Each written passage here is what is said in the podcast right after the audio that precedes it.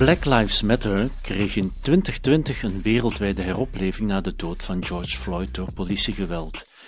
Etnisch profileren en politiegeweld werden in één adem vernoemd. De dood van Tyrell Nichols begin dit jaar, na geweld door vijf politiemannen in Memphis, zet aan tot diepere analyse. Memphis, de stad waar Martin Luther King in 1968 is neergeschoten, waar twee derde van de inwoners zwart is en waar Tyrell Nichols door vijf zwarte politieagenten werd mishandeld en na drie dagen overleden is. Ook in ons land worstelen we al meer dan een halve eeuw met fenomenen als racisme, diversiteit, politiecontroles en dodelijk politioneel geweld. Hoe zit dat in elkaar? Hoe kan het beter? Hoe moet het beter? Daarover praat ik met Paul Jacobs, docent in verschillende politiescholen en oud hoofdcommissaris. En met Yassine Boubout, expert politionele zaken en jurist, en net pas bekroond met de Amnesty International Award for Human Rights Belgium. Mijn naam is Ung Choi. Welkom bij Alles wordt beter. Met warme steun van het Vlaamse ABVV, Beweging.net, PNV Verzekeringen en VDK Bank. Alles wordt beter. De podcast die zin geeft in de toekomst. Hier hebben we aandacht voor wat het nieuws niet haalt en met stemmen die je mist in het dagelijks mediarumoer. Alles wordt beter. Dag Paul Jacobs en uh, Yassine uh, Boubout. Grote proficiat uh, trouwens, uh, Yassine, voor de award. Dank u wel. Had je een dankwoordje klaar eigenlijk? Ja, en français ook. Uh, ja. Tot de Franstalige kant van Amnesty. Ik hecht niet al te veel waarde aan zo'n zo'n award of zo'n zaken. Dus ik heb het ook maar kort gehouden en vooral bedankt en gezegd dat het uh, wil te appreciëren is dat de strijd, zoals wij het noemen, uh, ja, wordt bedankt of wordt geapprecieerd en in de kijker wordt gezet. Ja. Maar het is wel fijn om te krijgen, hè? Ja, natuurlijk. Ja. Vooral ook fijn dat het werk wordt geapprecieerd. Ja. Prima. Uh, Paul Jacobs, ook uh, welkom. Ja, je hebt een, een, lange staat van dienst uh, in de wereld van politie. Je bent nu op pensioen en toch blijf je nog lesgeven, doseren aan de politiescholen. Wel, ik ben in feite van opleiding leraar. En ik heb daar doelbewust voor gekozen en ik deed dat graag. Dus ik ben niet uit het reguliere, zal ik maar zeggen, of het gewone onderwijs weggegaan omdat ik het niet graag deed waren andere redenen. En zo ben ik bij de politie terechtgekomen en heel gauw ben ik beginnen lesgeven. Heel, heel kort, wat, wat geef je dan? Ik ben begonnen met uh, politionele deontologie te geven. Dus deontologie, zoals men dat toen noemde, plichtenleer. Maar goed, daar is het mee begonnen. Maar ik heb dat heel sterk opengetrokken, al van in het begin. Vooral toen, omdat ik in politie hoofd werd van de jeugdpolitie. En dat ik de toenmalige problemen zag al met jongeren, ook in de minder chique wijken van Ukkelvorst, heb ik dat ook in de opleiding opengetrokken naar omgaan met andere mensenrechten. En ook dat is deontologie binnen de politie. Oké, okay, daar gaan we straks uh, het uitgebreid over kunnen hebben. Uh, Yassine, ik wil ook even jou verder leren kennen. Ja, ik heb ergens gelezen dat je al op je zestiende acties en betogingen organiseerde. en Mee organiseren, dat is een grote nuance. Oké, okay, maar nu werk je voor, of werkte je tot voor kort voor de Belgische permanentie bij de Verenigde Naties. Dus dat is toch wel een leuk trajectje. Dat is uh, inderdaad een interessant traject. Uh, nee, klopt. Ik, dus ik ben al van jongs af aan wat ik noem een geëngageerde burger, een, een activist. Um, ik heb van jongs af aan ja, meeligen helpen, meeligen organiseren uh, uh, voor een betere wereld. Uh, in de brede zin voornamelijk antidiscriminatie. en later wat meer een niche gevonden, namelijk politie, politiezaken. En ja, mijn werk dan, hè, tot, tot voor kort bij de permanente vertegenwoordiging van België bij de VN. Um, ja, ging eigenlijk ook over, ook over mensenrechten. Hè? Want de VN werkt voornamelijk rond mensenrechten en, en vrede en veiligheid. Dus, dus het was ongeveer wel in, de, in, dezelfde richting. Zo. Ja. Ja. Je bent nu uh, in een soort van overgang zeg maar, naar een nieuwe job. Maar die nieuwe job is ook uh, binnen het kader van de Verenigde Naties. Hè? Ja, klopt. Um, het is voor mij nog wel te zien hoe breed ik het ga, ik, ik het ga trekken. Ik ben aan het zien, um, en ergens ook wel confirmatie gekregen dat die landen gaat zijn, maar namelijk landen waarvan nu oorlog is of net uit een oorlog zijn gekomen. Dus wat ze noemen conflictzone of post-conflict. Om daar ja, te gaan, te gaan werken. Oké, dan hebben jullie een beetje beter leren kennen. En laten we naar de definitie gaan misschien van politiegeweld. Wat is eigenlijk juist politiegeweld? En dan, ja, dan kom ik toch bij een definitie die ik even wil voorleggen. Uh, namelijk van Comité P. Comité P controleert de politie. De definitie is als volgt. Politiegeweld dubbelpunt, bedreigingen, willekeurige vrijheidsberoving, geweld tegen personen, foltering, onmenselijke behandeling, onterende behandeling, stalking, machtsmisbruik, agressief gedrag of houding en intimidatie. Sluit de haakjes. Herkennen jullie dat? Uh, zeggen jullie van ja, dit uh, klopt, of dit moet meer, of dit moet minder? Of het is helemaal fout? ja. Ik denk dat je beter zou vertrekken van een andere definitie die in de wet op het politieom staat, namelijk de definitie van dwang.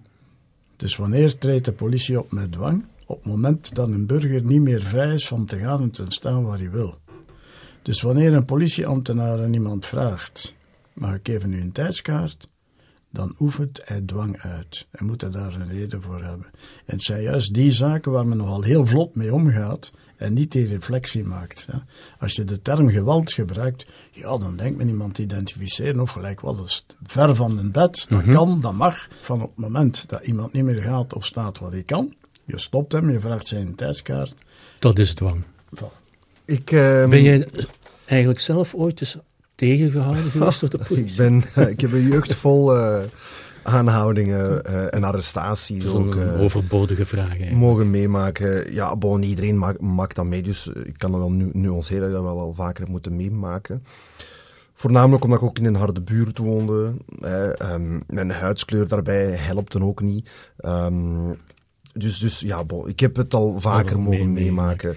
Um, en, en, sluit je je aan bij wat uh, Paul zegt ja, over die dwang? Ja, hm? zeker klopt. Dwang is iets dat wij um, bij de politie niet al te hard naar kijken. We kijken naar bepaalde interventies en we denken dat is maar banaal. Iemand tegenhouden en controleren, iemand fouilleren, iemand gewoon niet, hè, zijn, niet laten gaan en staan waar die persoon wil, wat een mensenrecht is. Dus we kijken daar zo banaal naar. Dus ik volg die uh, zeker. Ik mis één ding in die definitie, dat is, dat, mm -hmm. dat is iets dat ik eigenlijk zelf recent heb ondervonden in andere definities van andere instellingen.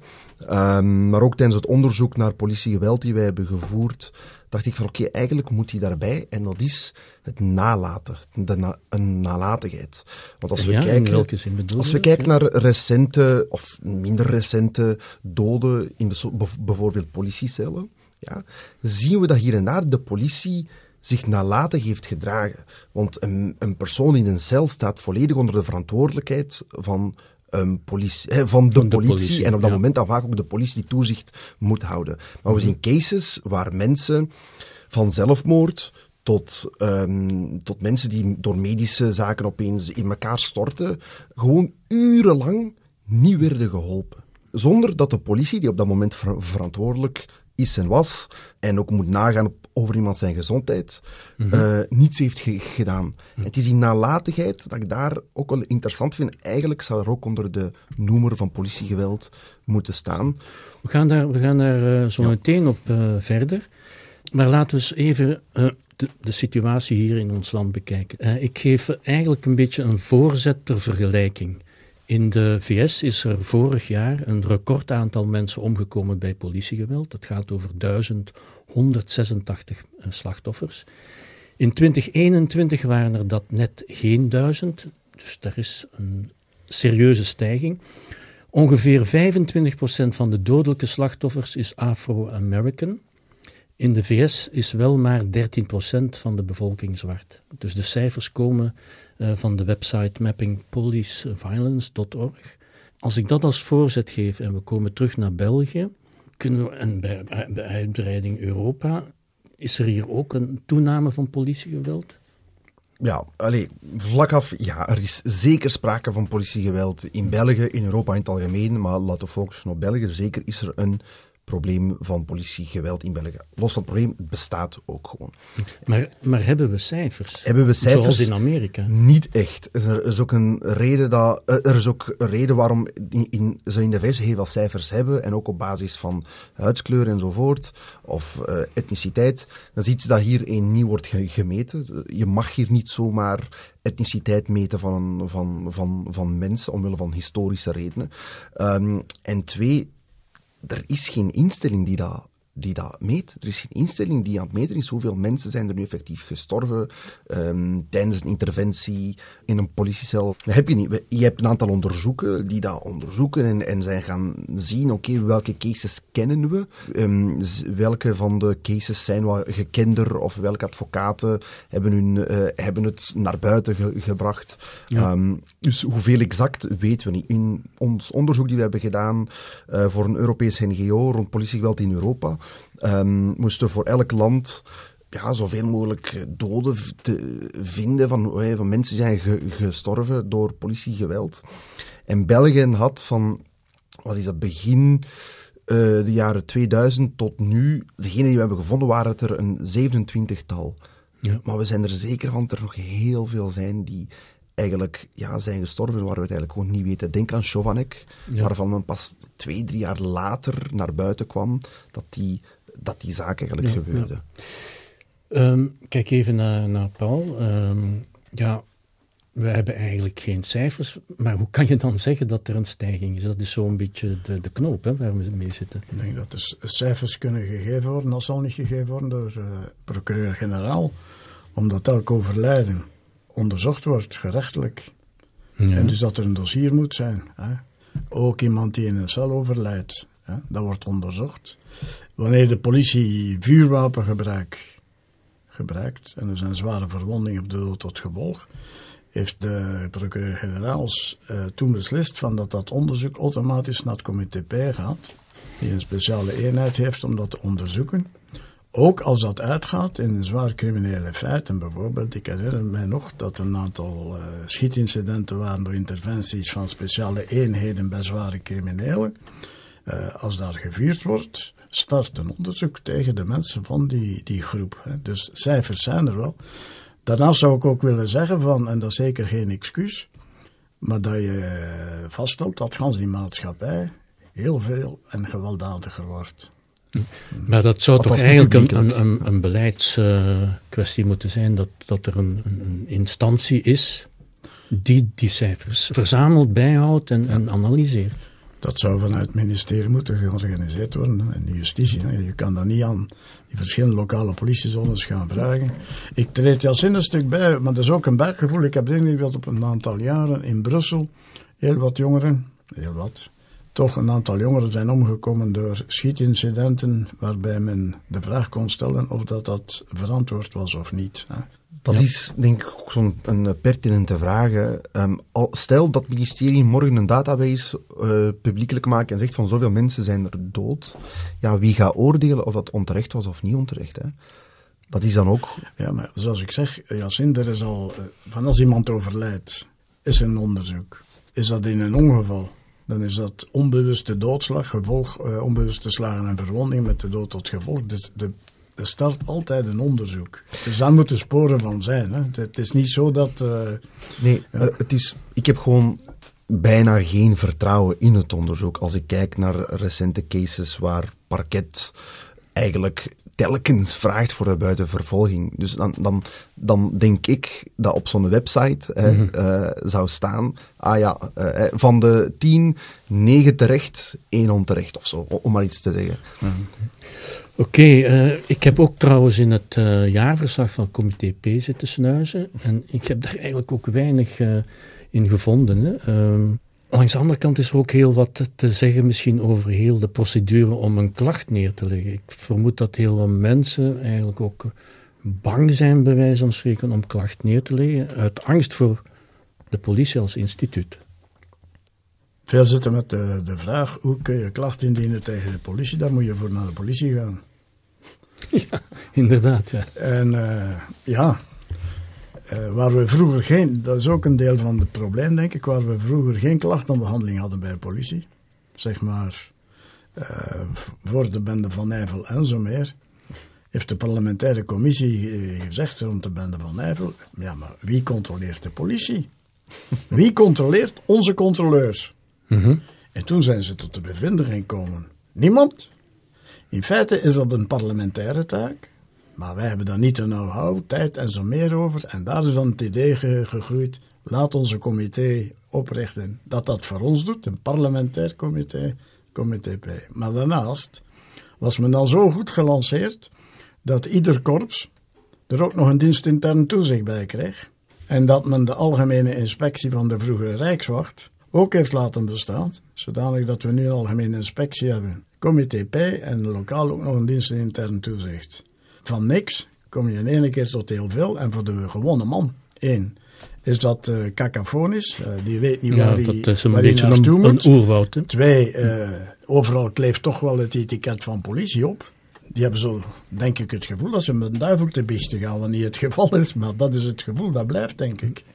Eh, zoals gewoonlijk ga ik akkoord met Paul. eh. Maar er is toch Los een- van de cacophonie, Ja, ja. heel veel mensen zijn, zoals u zegt, bang. eh, ik krijg heel vaak slachtoffers die mij sturen eh, via sociale media of whatever. Van, nou kijk, dit is me net met mij ge- ge- gebeurd. En soms krijg ik ook effectief op het einde van hun verhaal de vraag, als ik nu klacht indien, gaan ze mij iets aandoen? Maar ook gewoon van, stel dat ik de volgende keer de politie nodig heb, gaan ze mij dan nog, wel helpen? helpen. Ja. Ja. En, en eigenlijk is het antwoord ja, natuurlijk. Hè. Nee, ze gaan u niks aandoen en ja, ze gaan u nog helpen. Maar ehm, gebeurt er iets met die klacht, dat is een andere vraag. Of gebeurt er iets serieus met die klacht, dat is een andere vraag. En er zijn heel veel zones die, dat is mijn buikgevoel dan, hè, dat is het buikgevoel dat ik wel heb, Ja. is soms verbergen ze bij interne toezicht de manier om een klacht in te dienen. Dus soms als je naar een website gaat van een bepaalde politiezone, niet allemaal, is het niet duidelijk waar je een klacht kan indienen. Sommige zones noemen dat bijvoorbeeld klantenservice. Hoe kan jij als normale burger die niet snapt van, je- van het recht of whatever, weten dat je onder klantenservice een klacht moet indienen? Eh, goed, hoe is het in ons eh, land gesteld met de etnische achtergrond van de dodelijke slachtoffers van politiegeweld? Daarover wil ik eigenlijk graag eh Cathy Verstrepen eh, er even bij halen. Zij is voorzitter van de Liga van Mensenrechten. Laten we eens even horen wat zij erover zegt. Als we kijken naar de mensen die de laatste jaren gestorven zijn in contact met de politie, dan zien we dat dat toch wel allemaal mensen zijn, uh, of voornamelijk, uh, er, is, een uitzondering, maar toch voornamelijk um, mensen zijn met een migratieachtergrond. En dat is toch wel zeer verontrustend, uh, zeer problematisch ook.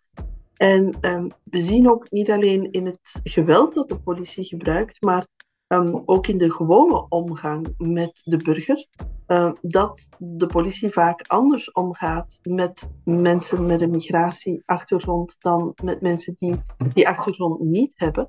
Um, en dat mensen met een migratieachtergrond vaak het slachtoffer worden van etnisch profileren. Cathy Verstrepen was dat, voorzitter van de Liga van Mensenrechten. Er zijn wel geen cijfers, maar dat doet toch wel even minstens nadenken dat er een, uh, een onevenredig aantal mensen bij zitten met een migratieachtergrond. Ik, uh, ik neem dat gerust aan, hè, want uh, één, als, je, als de kans groter is dat je gecontroleerd wordt, is de kans ook groter dat er conflict komt, is de rest ook groter. Ik beslik niet over cijfers qua etnische achtergrond en zo meer. Dit is al jaren zo, hè. Want uh, ik erger mij een beetje aan de term etnisch profileren. Ja, waarom eigenlijk? Dat is ja. precies een. Men heeft het licht gezien, een etnisch profileren. Uh, twintig jaar geleden, toen ik met jongeren in Vorst en zo in contact kwam, die hadden daar al een term voor hoor. Dat was toen al bezig. Weet je wat de jongeren dat noemen in de straat Frans? Le délit de sale gueule. We worden gecontroleerd omdat we een vuile smoel hebben. Ik kom nu in de foyer, als ik met uh, de vader, vaderbeweging spreek, dan kom ik vaders tegen die 20, 25 jaar geleden dat hebben meegemaakt. En die me daar komen vertellen, nu maken onze zoon hetzelfde mee. En ik profiling, dat klinkt te beschaafd. dat ligt ook geen link, dat ligt ook, dat ligt ook geen link met wat er vroeger was. Dat is zo'n nieuwe term. Ja. Ja, en iedereen vindt daar zijn ding over te zeggen. Maar goed, uh, het is er. Hè. Ja. Je ziet vaak dat politiemensen anders gaan reageren op het feit dat ze mensen hebben met migratieachtergrond. Ik hoorde onlangs een verhaal, ik weet niet of ik het mag vertellen, maar het is echt gebeurd. Het is een medewerker van de foyer. Die werkt als interculturele bemiddelaars dus. Die is van Turkse origine. Mhm. Ze vertrekt morgens, spreekt perfect Nederlands, beter als iemand eh, van de West-Vlaanderen schijnt het. Maar goed, eh, dus ze vertrekt Dat is ook wel een, een vorm van discriminatie. Nee, dat is een vaststelling. Oké. Maak je zin verder af. Ja, dus ze vertrekt thuis. Haar zoon, 16, 17 jaar, die wordt ondertussen wakker. Die belt, ma, hier is ingebroken. Ik sta daar nu vast, die woont in een landelijke gemeente. Mhm. Eh, zij belt de politie en zij onmiddellijk naar huis. Politie komt eraan.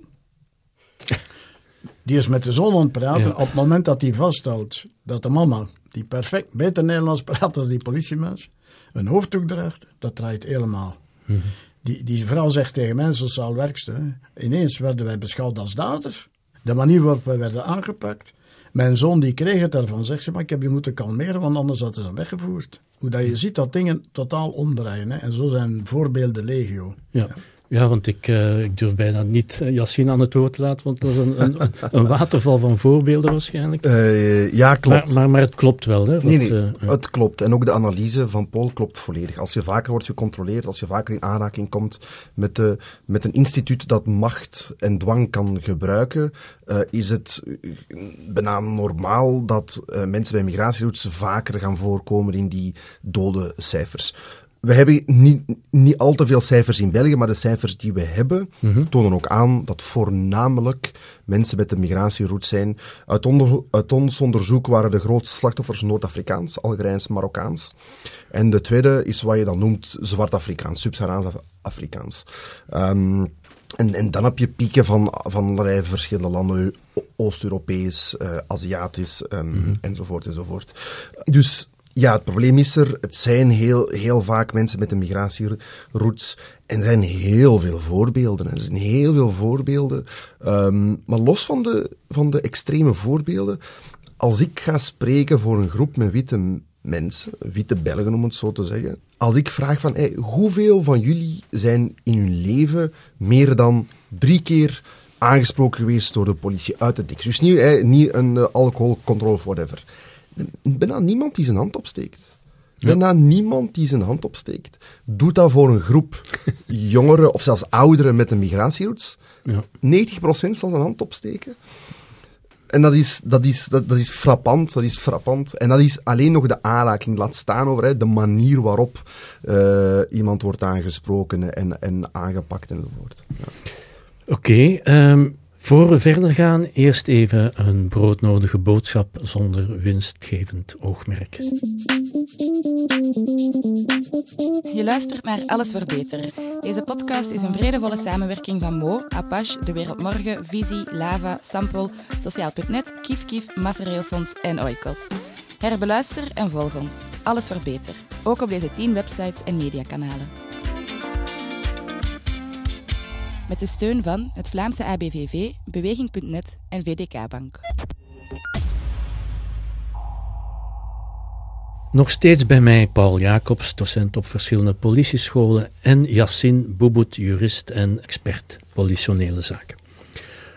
Je werkte, Yassine, je werkte ook mee aan een jaarrapport van ENAR, Europees Netwerk tegen Racisme, waar Kif Kif uh, andere hand in hand, Orbit en zo ook uh, lidorganisatie van zijn. Dat jaarrapport heeft een duidelijke conclusie, vind ik. Er zijn veel hervormingen gebeurd, zogenaamd, maar met beperkte resultaten. En de oorzaak blijft toch, politie is mee onderdeel van een racistisch systeem. Dat is eigenlijk de conclusie. Ik denk dat de conclusie meer is dat het, de samenleving nog heel veel racisme kent. Dat er nog altijd heel veel structuren zijn die vanuit een racistische basis komen. En, dat de, en als men zegt, de politie moet een weerspiegeling zijn van de samenleving. Ja, als de samenleving al een groot probleem heeft, dat weerspiegelt zich ook naar de politie toe. En dus heb je in die politiestructuren ook gewoon heel veel zaken dat racisme in de hand houdt. Denk aan de omerta dat leeft onder de politie. Van, hé hey, kijk, als je iets ziet gebeuren dat niet mag, het is zwijgen, hè. Het is, allee, je mocht niet spreken, want jij bent mijn partner, ik moet u vertrouwen. Als jij uh, morgen meldt dat ik die jongere makak heb genoemd, ja, dan kan ik u niet meer vertrouwen. En heel vaak wordt die persoon die ook zijn of haar mond open doet, ook aangepakt of weggepest enzovoort. Dus die omerta alleen al, hè, is zo, zoiets banaals, houdt racisme zo hard in de hand.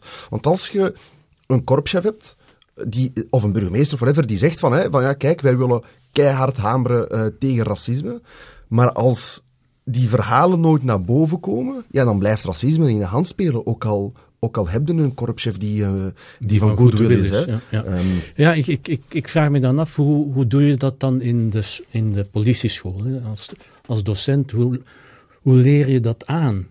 Uh, wanneer, ik geef het voorbeeld, hè, een paar mensen zijn aan het inbreken. En er is één die staat op te kijken en gewoonweg de zaak bewaakt, komt er geen politie aan. Zeg, je hebt de mededaders, zeg, wat is hij? Dan kennen ze al genoeg straf, zegt, dat ze zeggen medeplichtig. Mm Zeg, nu gaan we dat transponeren naar een politiepatrouille. Twee, gebruiken onwettig geweld en jij staat erbij en jij kijkt ernaar en je doet niks. Dan zijn wij medeplichtig. Je moet het zo gaan noemen. Hè. Het is, en ik noem vaak, als je collegialiteit, want daar gaat men zich op beroepen, collegialiteit. we hebben een zwaar beroep. De maatschappij tegen ons, wat niet hoeft, maar zo wordt het gepercipieerd. Uh, wij moeten voor elkaar opkomen. Ik zeg ja, collegialiteit mag. Zeg maar, wanneer collegialiteit compliciteit wordt, dan zit je strafbaar. Ik gebruik die twee woorden niet omdat ik geleerd wil doen, maar omdat dat op elkaar rijmt natuurlijk. ja. Maar, maar dat, ja. je moet erover praten. Onderwijs bereidt voor op en nu kun je dat prachtige, de artikels van de deontologische code gaan opnoemen. Mhm. uh, en zeggen van, kijk, we zijn klaar. Nee, je moet al een stuk vooraf gaan peilen, werken naar de, de realiteit waar ze in terechtkomen. En want, dan nog, ja, want, want, want Yassine zegt eigenlijk, hè, jij zegt eigenlijk, in de samenleving waarin we leven is er racisme, dus dat spiegelt zich af op een politiekorps. Maar mijn vraag is nu, hoe pak je dat dan aan in de politieschool? Eén, je moet het uh, gaan detecteren, je moet het laten uh, naar boven komen. Hè. Ik heb het ooit voor een BBC die naar hier gekomen was, ik heb gezegd, in België leven we apart. De South African Apartheid. Zeg, als ik naar uh, Molenbeek ga, zit ik in Marrakesh. Hè. En ga ik naar de Chaussee d'Art, dan zit ik in Istanbul. In Schaarbeek. Ja. En ga ik naar, uh, naar en ga ik naar de Avenue Louise. Dan kom ik diplomatenvrouwen met golden cards tegen. Zeg, in een groot dorp, Broekzeilen, allemaal naast elkaar. Wat weten wij van elkaar? In gans Brussel is één keer in de week, ik zeg dat graag, één intercultureel gebeuren. Waar mensen met elkaar in interactie komen. Zeg, dat is een zondagmorgen. Le marché du midi. Zeg, van Zuid. De Zuidmarkt, Tot aan de slagtuinen. Mhm. En ik zeg waarom? Omdat bij de, de kramers, de verkopers, publiek, alle culturen door en onder elkaar. Zeg maar, ik ben droef, want s'avonds wordt het afgebroken. Ik heb één troost, de week nadien is dat terug. maar zo leven we, hè. en zeker Vlaanderen. Die weten weinig van elkaar. Het enige wat ze weten zijn dan nog altijd vooroordelen. Hè. Vaak ontkennen wij het probleem nog. dus uw vraag was, hoe gaan we dat oplossen? Ik denk, stap 1, stap 1 is laten we nu eens, uh, heel duidelijk erkennen dat er een probleem is van racisme. Zowel in de samenleving als in uh, de politie in het algemeen.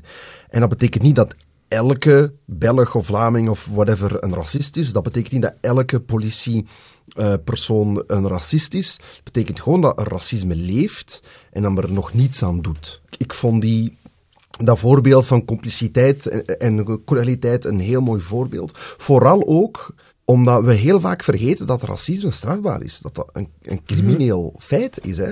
Uh, Absoluut, um, ja. Dus, wet dus, op racisme. Ja. Dus als wij, um, als de mensen die, die de wet moeten handhaven, ja, soms zelf zich schuldig maken aan criminele feiten, ja, hoe gaat dat dan? Hoe kan je die zaken mixen? Dat gaat toch niet? Als een agent morgen iemand enkel en alleen maar controleert omwille van iemand, iemands huidskleur, dan is die agent crimineel bezig op dat moment en we vergeten dat soms.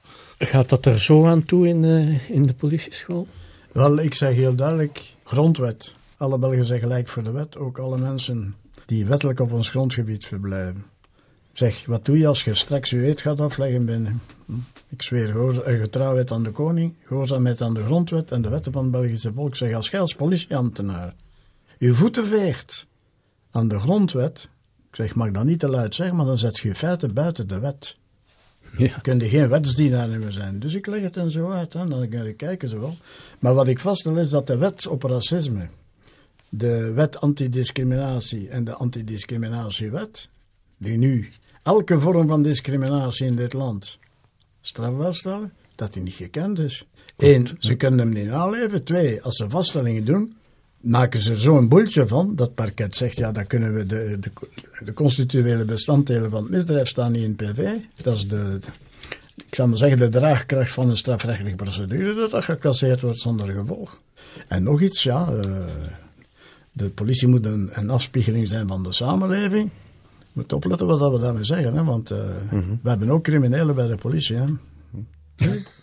dus dat is een afspiegeling van de, van de maatschappij dat herinner ik mij uit, uit vorige uh, jobjes die ik uh, gedaan heb. Dat was het grote mantra. Er moet, meer, uh, moet een diverser korps komen. Er moet, toen heette dat allochtonen. Er moeten allochtonen in de politie. Wat, wat, denken jullie daar nu eigenlijk over als je daarop terugkijkt? Want dat is al dat is, iets van kijk, in de jaren negentig eigenlijk. Hè? Ja, klopt. Hè. Het idee dat diversiteit um, uh, het racismeprobleem gaat verhelpen, leeft al lang. Diversiteit is een troef. De politie heeft meer diversiteit nodig. Ja. Dus ik ben eh, heel pro eh, voor diversiteit bij de politie. En overal eigenlijk. Maar gaat dat het racismeprobleem oplossen? Nee, en ik denk het recent voorbeeld in de VS. Ja, daar wou ik het eigenlijk net over hebben ook. Ja. Ik ja, u... ja ik, ik, ik, ik zou graag dat punt even willen maken. Ja. Uh, uh, als je mij uh, u mag. toelaat. nee, maar in de inleiding had ik het erover, over het politiegeweld van die vijf zwarte politieagenten in Memphis, in, in de VS. Dat is wel opmerkelijk, want die vijf agenten behoren eigenlijk tot een speciaal opgericht team. Scorpion, dat is de naam. En dat staat voor Street Crimes Operation to Restore, hou u vast, Peace in Our Neighborhoods hoe cynisch. Dus die, die, dat soort teams zijn eigenlijk opgericht na andere voorvallen van uh, dodelijk politiegeweld. Onder meer uh, van ehm, Michael Brown, een jongen die met de handen omhoog door zes politiekogels werd gedood door een witte agent. Dat was in 2014. Toen zijn er allerlei ja, ont, ontwikkelingen, maatregelen genomen. politie kreeg meer geld, kreeg meer uh, wapenmateriaal, nieuwe soorten teams en zo meer. Dus mijn punt is eigenlijk, en dat wil ik graag aan jullie voorleggen, van, dat niet dat, uh, ja, dat het niet gaat over een paar rotte appels in het korps. Uh, of over de huidskleur van een agent. Nee, klopt. Diversiteit alleen zal nooit iets het racismeprobleem weghalen. Racisme moet je actief wegwerken. En niet passie door te denken, ja, we gaan wat meer kleur hebben, dus dat zal het probleem wel, wel oplossen.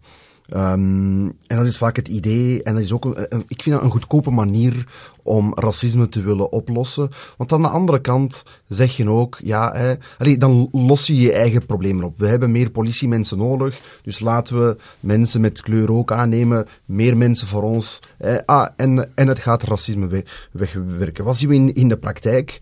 We zien heel veel mensen uh, die met een migratieroute, die stappen in de politie, stoppen na een aantal jaar. Ja. Um, of zelf zeggen van hey, het gaat hier eigenlijk mis, dat, ik, ik, ik voel me hier niet veilig. Of meedoen. Omwille van de groepsdruk, omwille van die collegialiteit, meedoen aan uh, die racistische praktijken. En ik aantal jaren geleden waren er uh, in de krant getuigenissen van mensen, uh, politiemensen met de migratieroutes. En er waren verhalen van mensen die zich ziek, dus witte politieagenten, die, die, die zich ziek melden als ze op patrouille moesten met een collega met een migratieroutes. Of collega's die, ver, die verdacht worden van in het drugs te zitten enzovoort. Puur en alleen omwille van hun uh, huidskleur of achtergrond. Ja. Hè. Um, dus ja, diversiteit alleen zal nooit de oplossing zijn. Is een troef, maar is niet de, de grote oplossing. om racisme tegen te gaan. Ik kijk altijd naar de Brixton Riots in Londen. Londen stond in brand. Men heeft daar een conclusies uit getrokken. Ja. Men Men heeft gezegd van, er is een parlementaire commissie opgericht, met criminologen en zo meer, en die hebben uiteindelijk beslist, maak een lang verhaal heel kort, we hebben een andere politie nodig. Dat is wat ik nu in Amerika ook hoor. Dat is nog niet concreet, maar goed. En wat, wat, wat bedoelen ze dan met andere? Andere politie, daar kwam op neer één. Daar kwam het idee van kop, ik, ik heb, het staat voor Community Oriented Police. Een politie, ik ga het even plastisch voorstellen, vroeger dat was een fort, met veel hoeken en kanten buiten de maatschappij. En die wisten wat goed was voor de maatschappij. En geen burger moest dan komen vertellen, want ze moesten zich met hun zaken moeien. Community-oriented policing zegt dat, dat fort midden in de gemeenschap. Tussen, voor en met de burger. En daar hebben ze voor gekozen bij de politiehervormingen in dit land. Dat is de rode lijn. Gemeenschapsgerichte politiezorg, wat klinkt dat mooi? Ja, dat klinkt mooi, maar, maar, maar het is, er, is nooit, er is niet veel van te merken. Het is nooit gerealiseerd. Hm. En toch gebruikt men het nog altijd. Dus ik heb een beetje zo het gehad met al die termen en wat weet ik allemaal. Uh, men gebruikt het feit dat bijvoorbeeld na radicalisering en zo meer, Salam al-Islam en zo meer, in één keer de minister van Binnenlandse Zaken zegt, we hebben een kanaalplan nodig.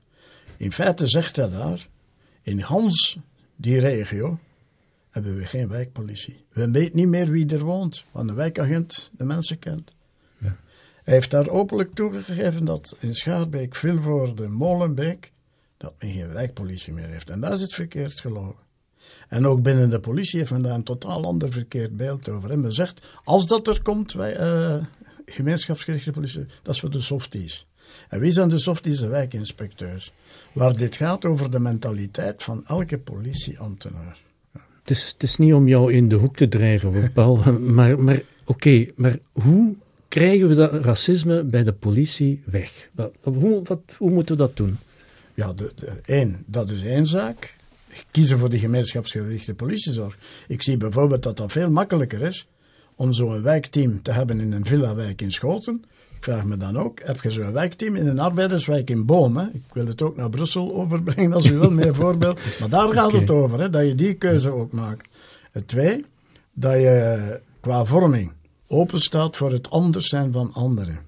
En dat is veel verder. Dan heb je gans de lijst van alle vormen van discriminatie. Hè? Want wij gebruiken in dit land maar één term en alles is racisme en niks is racisme. Maar ik bedoel, ja, ja, ja het al benoemen. Verschillende discriminaties. Ja, voilà. En dat je dat even oplijst en dat je zegt van kijk, daar moeten we voor staan, daar moeten we rondwerken. En wat zie ik dan als het over opleiding gaat? Ik heb het nog niet over recruteringen. Basisopleiding, omgaan met diversiteit. Hoeveel uren? Uh, ik krijg 12 uur in de ene school, maar dan moet ik de, de wetgeving geven. En, en, en in Brussel. Op, hoeveel, op hoeveel uur is dat dan, die 12 uur? de opleiding, basisopleiding, in 9 maanden of 10 maanden. Ja. Oké. Ja. ja. In Brussel krijg ik maatschappelijk-culturele vorming. Maar dat heb ik door mijn jaren inzet in de school zelf verworven en zo meer. Met die mensen gaan we ook werkplek leren. Stel je voor, komen we naar Molenbeek met die mannen. Hè? En dan gaan we eerst naar de foyer. Ja. Dan gaan we naar een moskee. We gaan bij de wijkpolitie. Toevallig het hoofd van die wijkpolitie heeft een heel uh, exotische naam, die niet zo'n Belgisch is, maar die legt wat dat ze dan proberen te doen. En daarna gaan we naar de jeugdhuis, waar we met de jongeren samen activiteiten doen. Dat is gewoon weg, even, ja, ik zeg niet dat dat wonderen doet, maar dat doet veel langs beide kanten. Um, om racisme tegen te gaan bij de politie heb je verschillende stappen nodig. Mm -hmm. Dat is zo dat geitenkaas-principe. Uh, gatenkaas. ja, ja, dat is zo. Gatenkaas-principe. Dat je verschillende uh, slices van, van kaas nodig hebt om een, iets, iets ja, tegen ja. En wat zijn die schijfjes? Ja, één wie je aantrekt. dus de recrutering, de opleiding, de navolging van zo'n opleiding een sterk antidiscriminatie- en, en, en antiracismebeleid intern bij de politie en dan extern naar hoe de politie met de burger enzovoort omgaat. Uh, sterk klachtenmechanisme. Allee, zijn al die zaken die eigenlijk hervormd moeten worden, punt. En dat is heel veel. Omdat we, omwille van historische redenen en whatever, nooit iets hebben gedaan aan dit probleem buiten wat window dressing. Zoals laten we wat meer diversiteit um, hebben. Maar het punt van opleiding is, is zeker, zeker van belang omdat België kent, een, ik blijf dat herhalen, België mm kent een van de kortste opleidingen van bijna heel Europa. Samen met drie andere landen. in papier is dat één jaar plus zes maanden stage. En dat één jaar is, ja, wat is dat, negen maanden, uh, tien maanden, dat je eigenlijk effectief op de schoolbanken zit. Dus na tien maanden moet een Belgische politieagent, een, een uh, aspirant, hè, moet die klaar zijn om socioloog te zijn, om geweld te kunnen gebruiken, om jeugdwerker te, te kunnen zijn, om uh, uh, verpleger of verpleegster te kunnen zijn. Want dat zijn al die zaken die ze eigenlijk wel doen in de, in de praktijk. De praktijk ja, ja. Dus opeens in een jaar moeten zij alles doen wat bijvoorbeeld een sociaal werker in drie, drie jaar, jaar, moet doen, uh, moet doen om een één specifieke groep te kunnen begrijpen. Um, en dat is, is, bijna, stap één. Ja, het is bijna een, een oproep om, om jou nog extra werk te geven na je Ja, pensioen. Om harder te werken. dat is iets anders. Uh, maar, ga- wat ik daar juist wil zeggen, ja, in de ja. basisopleiding, één, er is daar niks rond voorzien. Wat in Brussel, dus de politieschool, dat heb ik zelf verworven en door vertrouwen en zo meer. Twee, dan kom je aan de opleiding middenkader, hoofdinspecteur. Niks, hè. Die moeten leiding gaan geven aan anderen. En dan kom je bij officieren, niks, hè. Ik heb ooit in Bramsel Staff College van Groot-Brittannië de opleiding gehad. Eén heb ik daar gehoord dat Her Majesty's Chief of Constabulary, dat, is een, dat bleek een comité P in, dat- in, in, één persoon te zijn, maar die sprak ons toe toen we er waren. En ik herinner me nog altijd zijn eerste woorden. Quite a couple of years ago, British police was a quite racial institute. Je moet het eerst toegeven voordat je het gaat veranderen. Oké. Ja. Twee, toen kwam hij met het voorstel ook naar de, de riots. Daar zijn we weer. Hè. Iedere officier een week opleiding in internaatsverband. Rond omgaan met diversiteit. Met die school gaan bezoeken. Nadien gingen we middenkaders en basiskaders. Hier, al jaren basiskaders een beetje en al de rest niet. Ja. Dat werkt niet, hè. Hoe kan het beter en worden er al stappen in de goede richting gezet? Daarover gaat eh, ons volgende deel van deze podcast. En ik haal terug opnieuw graag Cathy Verstrepen er weer bij, voorzitter van de Liga van de Mensenrechten. Vraag aan haar was: welke set van veranderingen moet dringend in gang gezet worden? En hoe kan dat? En ze geeft een voorzet. bovenal denken we bij de Liga dat er moet ingezet worden op het zoeken naar alternatieven voor politieoptreden. Heel vaak zien we dat de politie moet tussenkomen of tussenkomt in dingen waarvan wij vinden dat het eigenlijk geen politiewerk is. Ik denk bijvoorbeeld aan een uithuiszetting eh, bij mensen die hun huur niet kunnen betalen. Ik begrijp dat een verhuurder wil dat de huurder de huur betaalt. En als die die niet betaalt, ja, dan moet er iets gebeuren. Maar dan kan het niet zijn dat dan de oplossing is de politie die manu militari die persoon uit dat huis komt halen. Dat is om agressie vragen.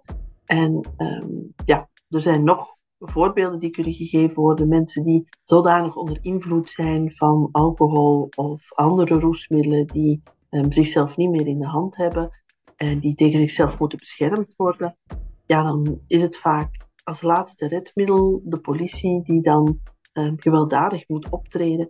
Ook daar denk ik dat er naar andere mogelijkheden moet gekeken worden, zodanig dat de politie van deze taak ontlast kan worden. Ik kijk naar de zaak Chovanek eh en de zaak van eh, Jonathan Jacob. Daar hebben we gezien wat er gebeurt als de politie tussenkomt. Twee keer heel slecht afgelopen.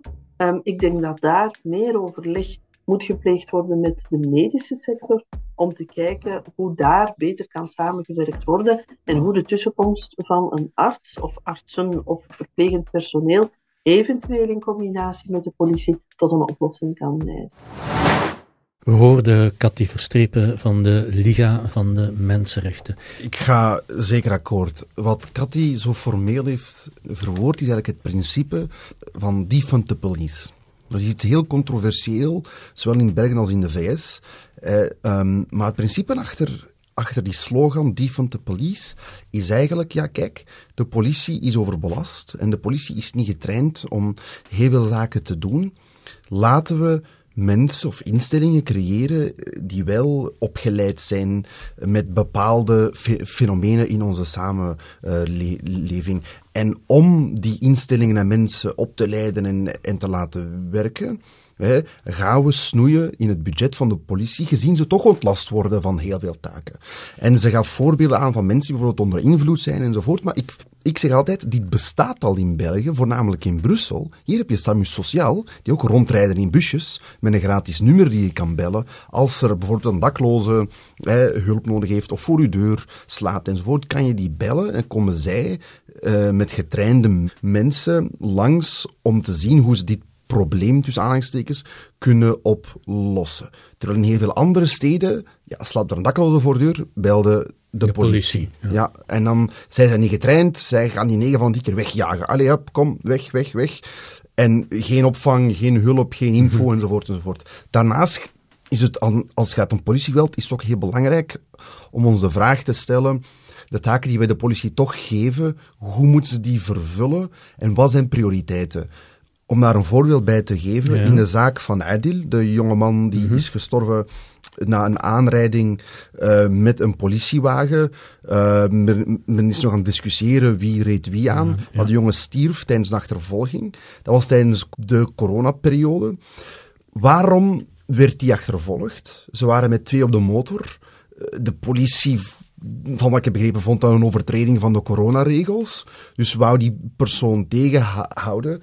Adil besliste om te vluchten. hij besliste juridisch het negeren van een bevel van een bevoegd persoon in het verkeer. Wat banaalste overtreding is in het verkeersrecht. Toch besloot hij, en dat is een heel belangrijk detail, om prioriteit nummer één. Dus men roept in de dispatch, ah ja, prioriteit nummer één, achtervolging met een motor. En natuurlijk, alle diensten in de buurt, die gaan erop af. En is de reden, was het nodig voor een corona-overtreding uh, of een negeren van een bevel?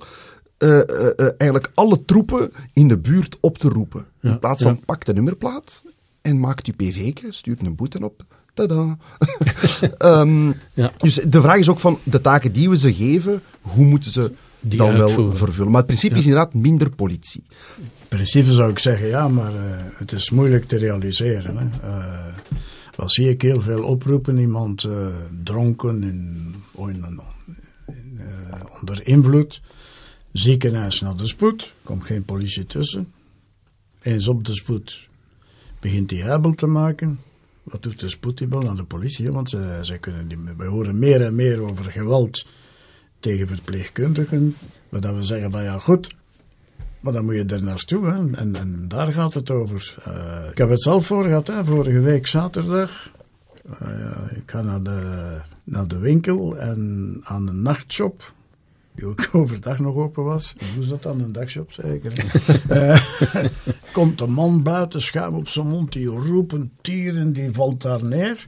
Iedereen gaat weg. Maar niemand doet iets. Ja, ik voelde me ook niet geroepen om onmiddellijk bij die man te gaan. Dus ik bel de ziekenwagen, ja. Mm ja, dit nummer. En ik heb er automatisch bij gezegd, zeg, roep er ook maar al politie bij, want ik zie dat niet goed komen met die verpleegkundigen. Dus dat, dat, daar gaat het over. Hè. Eh, je ziet dat het geweld meer en meer uitdijnt. En, en, ja, dat men dan beroepen, verpleegkundigen mogen geen geweld gebruiken. Hè. Dus uh, dat is niet een job. Hè. Het is een moeilijke discussie. Hè. Het, we zeggen niet dat uh, het een antwoord is dat we morgen al perfect klaar gaan hebben. Maar ik denk wel dat we die vraag moeten stellen. Hoe kunnen we ervoor zorgen dat de politie minder tussenkomt? In Brussel, nogmaals, bestaat al voor daklozen bel je Samu Sociaal. Uh, maar klopt, hè, stel dat er dan geweld wordt gebruikt enzovoort, ja, dan, dan is het, het antwoord simpel. Bij sprake van geweld kan de politie tussenkomen. In bepaalde contexten, ik zou dan denken, mensen die onder invloed zijn enzovoort, ja, als er een dokter naast staat, die een soort van instructies kan geven aan de politie. Van ja, kijk, kijk uit met wat je doet met deze persoon, want als je dit en dat doet, kan dat deze gevolgen hebben. Kan de politie dan ook op, op een bepaalde manier handelen? eigenlijk. Ja, ik denk... En denk ook aan gesloten instellingen. Voor mensen die, die ja, mentaal niet wel zijn, zijn er ook, ja, laten we zeggen, van die securities, om het zo te zeggen, die weten hoe ze moeten handelen met iemand die opeens een psychose heeft. Die geweld zat te gebruiken en, en wat dan ook. Hoe ze die persoon met, eigenlijk ook met geweld moeten neutraliseren, zoals ze het soms wel uh, noemen. Maar we, we, zitten de laatste tijd toch met een fenomeen dat steeds meer en meer de, ook de grote media uh, haalt, namelijk dat jongeren, wordt dan gezegd, hulpverleners aanvallen. Dus de brandweer bijvoorbeeld aanvallen. Of, uh... Ik denk dat dat gewoon een verzet is tegen een maatschappij die een permanent uitspuwt. Hè. En daar is werk voor beleidsmakers en voor politiek die vaak zegt, het enige middel dat we hebben is de politie. Jongeren die zich uitgespuwd voelen door een maatschappij die een via politie, onderwijs, nog veel andere zaken niet serieus neemt. Ze horen er niet bij, ze mogen er niet bij. Als er iets gebeurt, dan zeggen ze: het zijn jongeren. Het zijn onze jongeren niet. Ja. Hm. Dat zijn onze jongeren aan de kust die rellen. Dat gaat over onze jongeren. Hè. Maar dan is dan de ene keer pushback, hè, letterlijk en figuurlijk. En ik denk dat dat een stuk de reactie is. Wanneer men zou werken met een, een, een wijkpolitie die ze kennen. Ik bedoel, waar ze kunnen mee praten. Je gaat veel minder vlug in confrontatie met iemand die je kent. Ja, dus eerst en vooral klopt. Die, die fenomenen zijn een maatschappelijk fenomeen. Hè. Ze vallen juist die overheidsinstanties aan. Hè. Ze vallen niet een random wagen, die voor, ze rijden niet de bestelwagen van de, van de Colruyt aan. Ze vallen een brandweer aan of een ziekenwagen, omdat dat voor hen... Um, een symbool Een symbool, van, hè. het is echt uh, bijna semantiek. Dus het idee van, ja, ook daar, hè, denk, denk ik, het is vaak bij quote-unquote uh, hangjongeren. Hè, uh, mm -hmm. als er een melding is van ja, er, er zijn hier vijf jongeren voor mijn deur aan het hangen, dan is voor mij ook de vraag, bellen we de politie? Of kunnen wij niet iets creëren, een soort van, eh, dat, dat er mensen zijn die een band hebben met, met die jongeren, een band hebben met de buurt enzovoort, dat die daar kunnen tussenkomen. Buurt- en jeugdwerk. Zo. Bijvoorbeeld jeugd. Bijvoorbeeld. Ik wil niet direct jeugdwerk zeggen, omdat ik jeugdwerk niet direct in een soort van politioneel kadertje wil zetten. Maar je hebt voorbeelden. Bijvoorbeeld in Antwerpen, en dat wordt nu uitgebreid ook naar Brussel, als ik mij niet vergis. Samen op straat, eh, waar die eigenlijk, dat zijn vrijwilligers, maar ook uh, zij die worden betaald, werknemers, die een soort van permanente aanwezigheid hebben in de buurt en die vaak ook de eerste lijn zijn als er iets is. Pas als het totaal uit de hand loopt, hè, uh, zoals bij geweld en whatever, dan schakelt men de politie, omdat men zegt van oké, dit is niet meer voor ons. Hier moeten mensen die getraind zijn uh, uh, rond geweld enzovoort tussen komen. Dat zijn zaken die we meer moeten zien. Iets tussen de wijkagent en, en de burger. Maar zo'n zaken mogen we uitbreiden. Kif Kif, en ik denk dat jij daar ook hebt aan meegewerkt, stelde negen aanbevelingen op uh, voor het beleid om uh, politiegeweld tegen te gaan. Dat gebeurde op basis van een onderzoeksproject van het Europees Netwerk tegen Racisme. 50 zware gevallen van politiegeweld uit de periode 2015 en 20, 2020 werden bij elkaar gezet en vijf cases zijn in de diepte geanalyseerd. Oké, um, dus die negen beleidsadviezen, de laatste wil ik toch uh, ook nog kort even uh, in het midden gooien. Een, een, grondig publiek onderzoek naar het probleem. Eigenlijk de oproep die jullie doen is een, een, soort van parlementaire onderzoekscommissies over alle Belgische parlementen heen. En met bindende resoluties. Ja, omdat we eigenlijk teruggaan naar wat we er juist hebben gezegd, namelijk we moeten het erkennen. En heel vaak om het te erkennen, moeten we ook zien wat het probleem is. We hebben geen data. Hè. Uh, we, heel veel zaken zijn nog heel verspreid. Er is, niet, er is amper duidelijkheid. Binnen de, binnen de politie is er een omerta. Dus ja, de instellingen die dit moeten regelen, namelijk de parlementen, de beleidsmakers, moeten samenkomen, om het zo te zeggen, en moeten zien, oké, okay, wat is nu het probleem en hoe kunnen wij het probleem oplossen? Dat is natuurlijk de eerste stap die, die uh, gemaakt moet worden. In feite heb je het orgaan. Hè? Je hebt de parlementaire commissie mm -hmm. die de activiteiten van het comité P opvolgt. Die parlementaire commissie, de voorzitter, daarvan is de Kamervoorzitter. Ja. En elke politieke partij is daarin vertegenwoordigd. Gans het spectrum is aanwezig. Het is de Senaat die het comité I inlichtingen is. Dat is allemaal wettelijk geregeld. Je hebt een commissie, dus we moeten die... Uh, de bestaande onder zaken zetten, onder ja. druk zetten. Oké, maar we hebben toch eh, twee eh, pistes meegekregen eh, van jullie, eh, hoe dat, dat zou moeten verlopen. Een laatste citaat wil ik jullie voorleggen en graag wil ik daar commentaar op.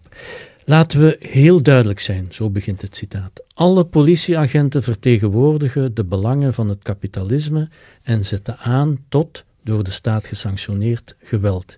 Iedereen die werkt binnen een systeem dat door de staat gesanctioneerd geweld in stand houdt, is medeplichtig aan het handhaven van de blanke suprematie. Assimilatie in een systeem dat anti-zwart is, is een van de gevaarlijkste wapens die voortkomen uit blanke suprematie. Dit is een fragment uit het persbericht dat eh, Black Lives Matter in de VS uitbracht naar aanleiding van de dood van Tyrone Nichols begin dit jaar. Graag commentaar. Jullie kijken naar elkaar. Ja. Paul. Ja. Ik, eh, ik denk dat wat kort door de bocht is. Hè. Je mag de teneur als zodanig wel aangeven. Maar ik zie zowel ook bij politie gewoon mensen eh, die al die terminologie zelf niet kennen. En die gewoon iedere dag proberen hun werk correct te doen. Zonder dat die grote ismen meedragen en zo meer. Ik denk dat het wat kort door de bocht is. Maar het mag wel zoiets gesteld worden om mensen door na te denken en om een debat te openen, vind ik. Oké. Ik ehm, geloof dat zo'n quotes wel eh, werken in de VS, maar niet hier. We hebben een andere politiegeschiedenis, wij hebben een ander politiesysteem, ehm ander soort politiemensen ook. Alhoewel ik natuurlijk wel het sentiment erachter begrijp, en het sentiment zou wel passen hier in België. Namelijk dat, ehm, want zo lees ik het, of zo ho- hoor ik het, dat de politie, ja, het gaat hier niet om individuen, het gaat hier om een structuur die ook een historische context kent. Een structuur die ook van ergens komt. En de mensen in die structuur zijn deel van dat structuur. Dus, en dan hoor je ook vaak van politiemensen ze- zelf, is ja, wij worden altijd als slecht gezien omwille van hè, een collega die eh, zich niet kan gedragen. Maar toch zijn wij ook de bad guys en, girls. En dat is volgens mij zo het idee daarachter. Dat het, dat het gaat om, het, om, die, om, om die st- structuren, niet per se om de appels in de mand, maar het gaat om de mand zelf. Tot zover. Bedankt voor jullie deskundige hulp om dit toch wel moeilijke onderwerp te bespreken. Paul Jacobs, docent op verschillende politiescholen en Yassine Boubout, jurist en expert politionele zaken. En afsluiten doen we ditmaal niet met een oproep om luidkeels mee te brullen met een meezinger van formaat, maar met een stukje uit de podcastserie Minder Politie van Jade Yorks te beluisteren via kifkif.be.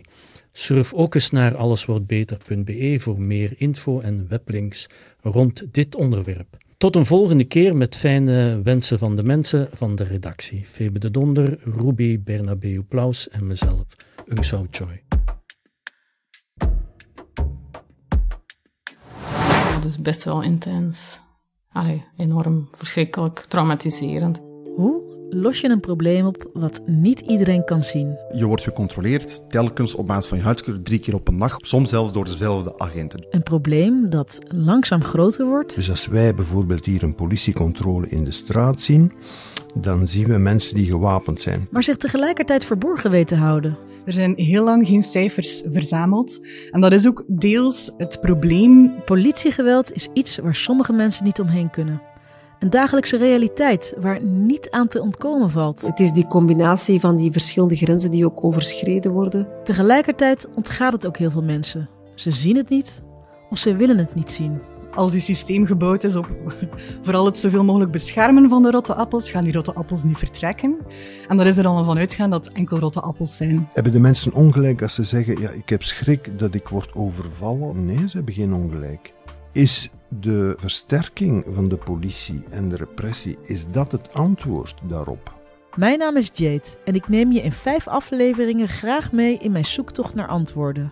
Dit is Minder Politie, een podcast over politiegeweld in België. Van Kief Kief in samenwerking met Apache en met steun van Fonds Pascal de Kroos.